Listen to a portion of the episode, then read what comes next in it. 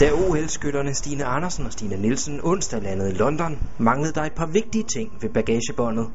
Det er fordi over i København, der har de tjekket alt vores bagage ind til våben, og fordi der er så mange sikkerhedsregler med våben, så kan vi ikke få vores bagage nu her, både vores tøjbagage og vores skyderifle og kuffert og det hele. Så vi bliver nødt til at vente, til vi skal på træningsbanen, for at få vores øh, kuffert og, og det hele der. Altså vores udstyrstasker og våben vidste vi allerede på forhånd, først på, når vi kom på træningsbanen, øh, på grund af de regler, de har herovre.